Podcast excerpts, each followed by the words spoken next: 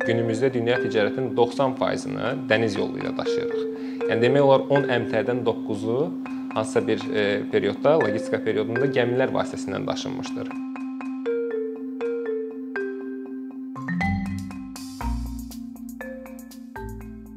Bu gün e, istənilən Transxəzər nəqliyyat dəhlizi və onun Azərbaycan və regional inkişaf üçün strateji əhəmiyyətindən danışmaq istəyirəm. E, lakin mövzumuza giriş eləməmişdən öncə düşünürəm ki, ilkin olaraq cavablamalı olduğumuz bəzi suallar var.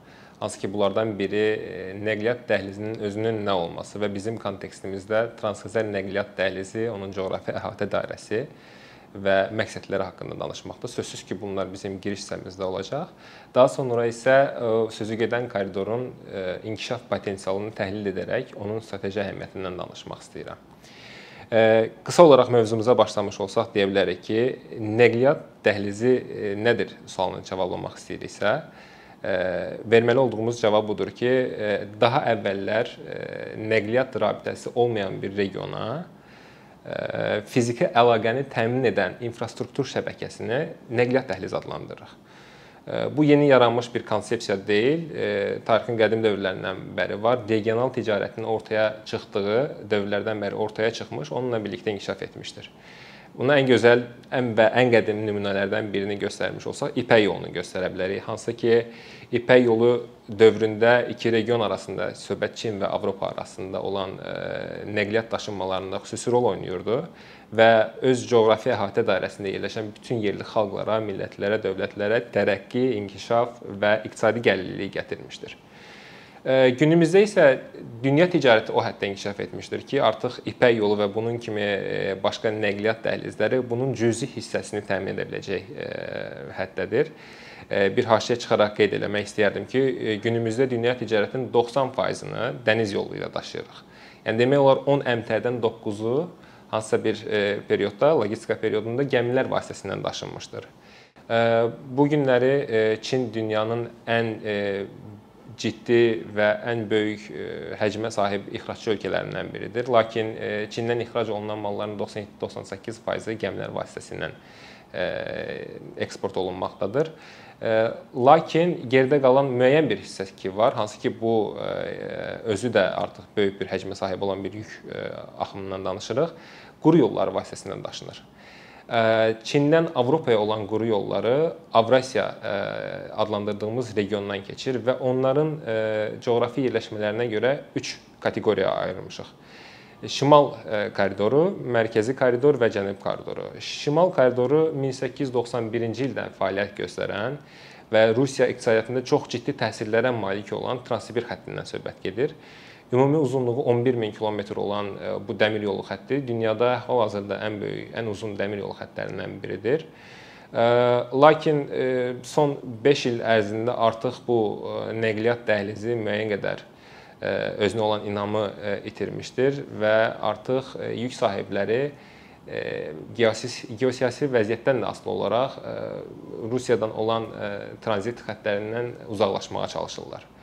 Geridə qalan digər iki koridor isə biri cənub koridorudur, hansı ki bu özündə Pakistan, Çin, Pakistan, İran, Türkiyə və Avropanı ehtiva etdirir. Və yenidən qeyd eləməyə dəyər ki, İrana olan son sanksiyalardan sonra bu koridor da ciddi şəkildə əhəmiyyətini itirmişdir. Və Transxəzər nəqliyyat dəhlizinin də yerləşdiyi mərkəzi koridor. Mərkəzi koridor Çin, Mərkəzi Asiya Qafqaz və Avropanı özündə birləşdirən bir koridordur. Bu koridora bəzən Traseka koridoru da deyirlər. Traseka Sovetlər Birliyi dağıldıqdan sonra Avropa Birliyi tərəfindən ortaya atılmış Çini, Cənubi Qafqazı və Avropa Birliyini özündə birləşdirən logistika proqramıdır. Proqramın əsas məqsədi bu adı çəkilən ölkələr arasında gömrük sadələşdirilmələri, logistika harmonizasiyası, inteqrasiyasını əldə etmək və ümumi olaraq ticari əlaqələrin artırılmasını özünə məqsəd qoymuşdur. Lakin TSK kimi proqramlar bir neçə və bir çox ölkələri özündə ehtiva etdirdikdən onlar arasındakı e, logistika inteqrasiya problemi ortaya çıxmış olur. Bu problemi də aradan qaldırmaq üçün isə biz artıq logistika dəhlizlərinə üst tutmuş oluruq. Həmin logistika dəhlizlərindən biri də məhz Transxəzər logistika dəhlizidir. Bu dəhliz Çindən başlayır, daha sonra dəmir yolu xətti ilə Qazaxstana davam eləyir. Qazaxıstanın Xəzər sahillərinə çatdıqdan sonra gəmi vasitəsilə Bakıya, Bakıdan sonra Gürcüstana, Türkiyəyə və Avropaya davam eləyir. Yeni qurulmuş Bakı-Tiflis-Qars dəmir yolu kəmərinin də əsas məqsədlərindən biri bu transxəzər nəqliyyat dəhlizində yüklərin axınını harmonizasiya prosesinə artırmaqdır və inteqrasiyanı artırmaqdır. Lakin bu günləri təminat zənciri məsələlərində hansısa bir koridorun əhəmiyyətli olub olmamasını yoxlamaq üçün ikicə faktor kifayət eləyir. Vaxt və pul. Biz bu tərəfdən təhlil etdiyimiz zaman Transxəzər nəqliyyat dəhlizinin əhəmiyyətini görə bilərik, ən azından ölçə bilərik. Transxəzər nəqliyyat dəhlizi Çin və Avropa arasında olan quru quru yolu ilə olan koridorlardan ən yaxın olanıdır. Günümüzdə Çindən ixrac olunan mal bu koridor ilə hərəkət edərək Avropaya 10-15 gün ərzində, bəzən yaxşı hallarda isə 1 həftəyə çata bilər. Bəs biz bu zamanı daha da qısalda bilərikmi? Bu prosesləri daha da inteqrasiya edə bilərikmi sualını verdiyimiz zaman artıq koridorun həqiqətən də çox böyük bir potensiala sahib olduğunu görə bilirik. Lakin bunu analiz etmək üçün ümumi olaraq nəqliyyat koridorunun strukturuna göz gəzdirmək lazımdır. Bu gün Çindən ixrac olunan mal Qazaxıstanla Çin sərhədinə yaxınlaşır ilkin olaraq. Burada ilkin problemlə üzləşmiş oluruq. Deməli, Çin və Avropada əvvəlki Sovet ölkələrindən fərqli olaraq fərqli dəmir yolu xəttlərinə sahib olduqlarından bizim ilkin problemimiz dəmir yolu xəttlərinin uzlaşmaması ilə ortaya çıxmış olur. Çindən gələn mal Qazaxstanda dəmir yolları xəttlərinin üzərində dəyişdirilir. Yəni vaqonlar Sovet ölkələrinə müvafiq olaraq dəmir yolları xəttlərinin üzərinə yerləşdirilir. Artıq biz bir vaxt itkisi burada yaşadıq. Daha sonra Qazaxstana daxil olan mallar gömrük prosedurundan keçirlər. Bizim ikinci vaxt itkimiz və Xəzərin sahilinə gəldikdə ölkənin sərhədlərini əmtə tərk etdiyi zaman yenidən gömrük prosesi ilə üzləşirik və bu proses təsəvvür edin ki, həm Azərbaycanda, həm Gürcüstanda, həm Türkiyədə davam etməkdədir. Bir digər şəkilə baxdığımız zaman isə Avropada olan onlarla ölkənin bir-birlərinin arasında heç bir gömrük problemi olmadan rahat şəkildə yüklərin və sərnişinlərin axınını gördüyümüz zaman düşünə bilirik ki, artıq Transxəzər nəqliyyat dəhlizində vurğulamalı olduğumuz bir sıra problemlər mövcuddur. Bu problemləri mən iki yerə ayırmışam. Birinə infrastruktur problemləri adını vermişəm, digərinə isə yumşaq infrastruktur, yəni institusional problemlər adını vermişəm. Sırf fiziki problemlərə aid olan məsələ dediyim kimi bu dəmir yolu xəttlərində fərqlilik ümumi olaraq tutum problemi var ortada və multimodallıq var.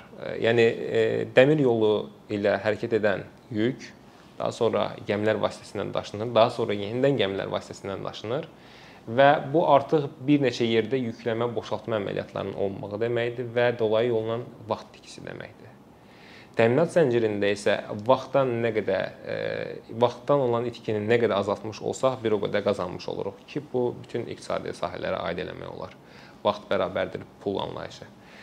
Burdan yola çıxaraq deyə bilərik ki, əgər ki, Transxəzər nəqliyyat dəhlizində biz e, deyək ki, infrastruktur problemləri hə, düzdür, investisiya vasitəsilə həll oluna bilən problemdir, düzdür, vaxt alır, lakin həll oluna bilər.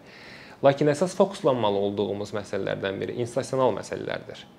Buna e, vahid gömrük sistemi deyə bilərik yaxud da vahid pəncərə gömrük sisteminin adını çəkə bilərik, tarif siyasətini e, göstərə bilərik və həmçinin e, bu e, nəqliyyat dəhlizinin əhatə coğrafiyasında olan ölkələrdə hüquqi məsələlər, vergi məsələlər və s. hər biri bizim nəqliyyat koridorumuzun gəlirliyinə, əhəmiyyətinə təsir edən amillərdir. Bu problemlər aradan qalxdığı zaman düşünürəm ki, həm Azərbaycan, həm Gürcüstan, həm Qazaxıstan ciddi şəkildə iqtisadi gəlirlik əldə edə bilər, ciddi şəkildə tərəqqiyə və inkişafa nail ola bilər. Artıq biz problemlərin varlığından xəbərdarıq e, və qeyd eləyə bilərik ki, e, sözünü etdiyimiz gömrük, e, vergi, tarif və yaxud da başqa sözlə demiş olsaq, inteqrasiya və harmonizasiya məsələləri həll olduqdan sonra Bu koridorun coğrafi əhatə dairəsində yerləşən bütün ölkələr, xüsusilə Qazaxıstan, Azərbaycan, Gürcüstan və Türkiyə ciddi bir iqtisadi gəlirlik əldə edə bilərlər, ciddi bir tərəqqiyə və inkişafa sahib ola bilərlər. Bunun üçün gərəkli olan yeganə məsələ bu koridorda olan, yəni bu koridorda baş verən yük axınını daha sürətləndirmək və nəqliyyat infrastrukturu arasında olan inteqrasiyanı daha da inkişaf elətdirməkdir. Bunlar baş verdiyi zaman biz Transxəzər nəqliyyat dəhlizinin real strateji əhəmiyyətini görə bilərik və bundan gəlirlik əldə edə bilərik. Bəs Transxəzər nəqliyyat dəhlizi necə ortaya çıxdı və nəyə görə yarandı? Artıq qeyd edildiyimiz kimi Traseka proqramı var idi və Traseka proqramının inkişaf etmiş bir halı kimi və xüsusiləşmiş bir halı kimi Transxəzər nəqliyyat dəhlizini göstərdik. Lakin e, bu e, layihənin ərsəyə gəlməsinə əsas səbəbkarlardan biri Azərbaycan, Gürcüstan və Qazaxıstan tərəfindən iştirakçı olan logistika şirkətləri idi. Bura həm e, dəniz daşınmaları, dəmir yolu daşınmaları və həmçinin liman xidmətləri göstərən şəbəkələr aiddir. Onların 2016-cı ildə hazırladıkları və ərsəyə gətirilən memorandum 2017-ci ildə artıq 80 nümayəndə tərəfindən imzalanmış və Çin və Avropanın da bəzi ölkələrində özündə ehtiva etdirəcək qədər böyümüşdür. Bütün iştirakçı ölkələr, həmçinin Avropa və buradakı Azərbaycan, Qazaxıstan və Çin E, ciddi potensial görür və çox böyük investisiyalar olunur e, burada infrastruktur qabiliyyətini artırmaq məqsədi ilə. Tək elə e, Ələt limanının özünü göstərə bilərik. Son illərdə qurulmuş olan Ələt limanına investisiyalar sahəsində artıq proseslərin sürətləndirdiyini görə bilirik və eyni zamanda bu məsələni dəmir yolu xəttlərinə də aid edə bilərik. Məsələn, Bakı-Tiflis-Qars dəmir yolu xətti milyard dollarlarla ölçüləcək bir hətta bir investisiya sahibi idi və artıq bu gün bu gün bugünkü günümüzdə fəaliyyət göstərir və bu da Transxəzər nəqliyyat dəhlizinin bir qoludur. Bu investisiyalardan həmçinin eyni dərəcədə və daha artığı məsələn Qazaxıstan dəmir yolları probleminə də yönəlmiş olur. Qazaxıstan dəmir yollarında e, proseslərin və yüklərin e, daşınmasını sürətləndirmək üçün əllərindən gələni eləyirlər və həmçinin e, logistika sahəsində çox gəlirli olan və çox əlverişli olan bir daşıma üsulu var ki, hansı ki, iki konteynerin üst-üstə daşınması üçün yararlı olan vaqonların dəmir yolu xəttlərinin ortaya çıxarılması məsələsi var. Bu problemlər həll olduqdan sonra artıq e, biz Transxəzər nəqliyyat dəhlizi vasitəsilə istifadə edərək Çindən Avropaya mallarımızı bir həftə, 8 gün, 9 gün içərisində çatdıra bilərik. Bu təminat zənciri tərəfindən baxdığımız zaman çox ciddi bir uğur olmuş olacaqdır.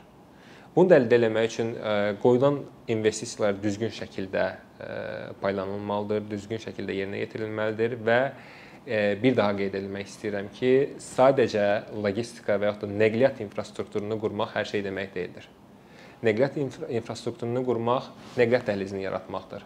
Lakin əsas məqsəd harmonizasiya olunmuş, inteqrasiya olunmuş logistika dəhlizi yaratmaqdır. Logistika dəhlizi isə artıq institusional çərçivə ilə nəqliyyat dəhlizinin birləşmiş halıdır.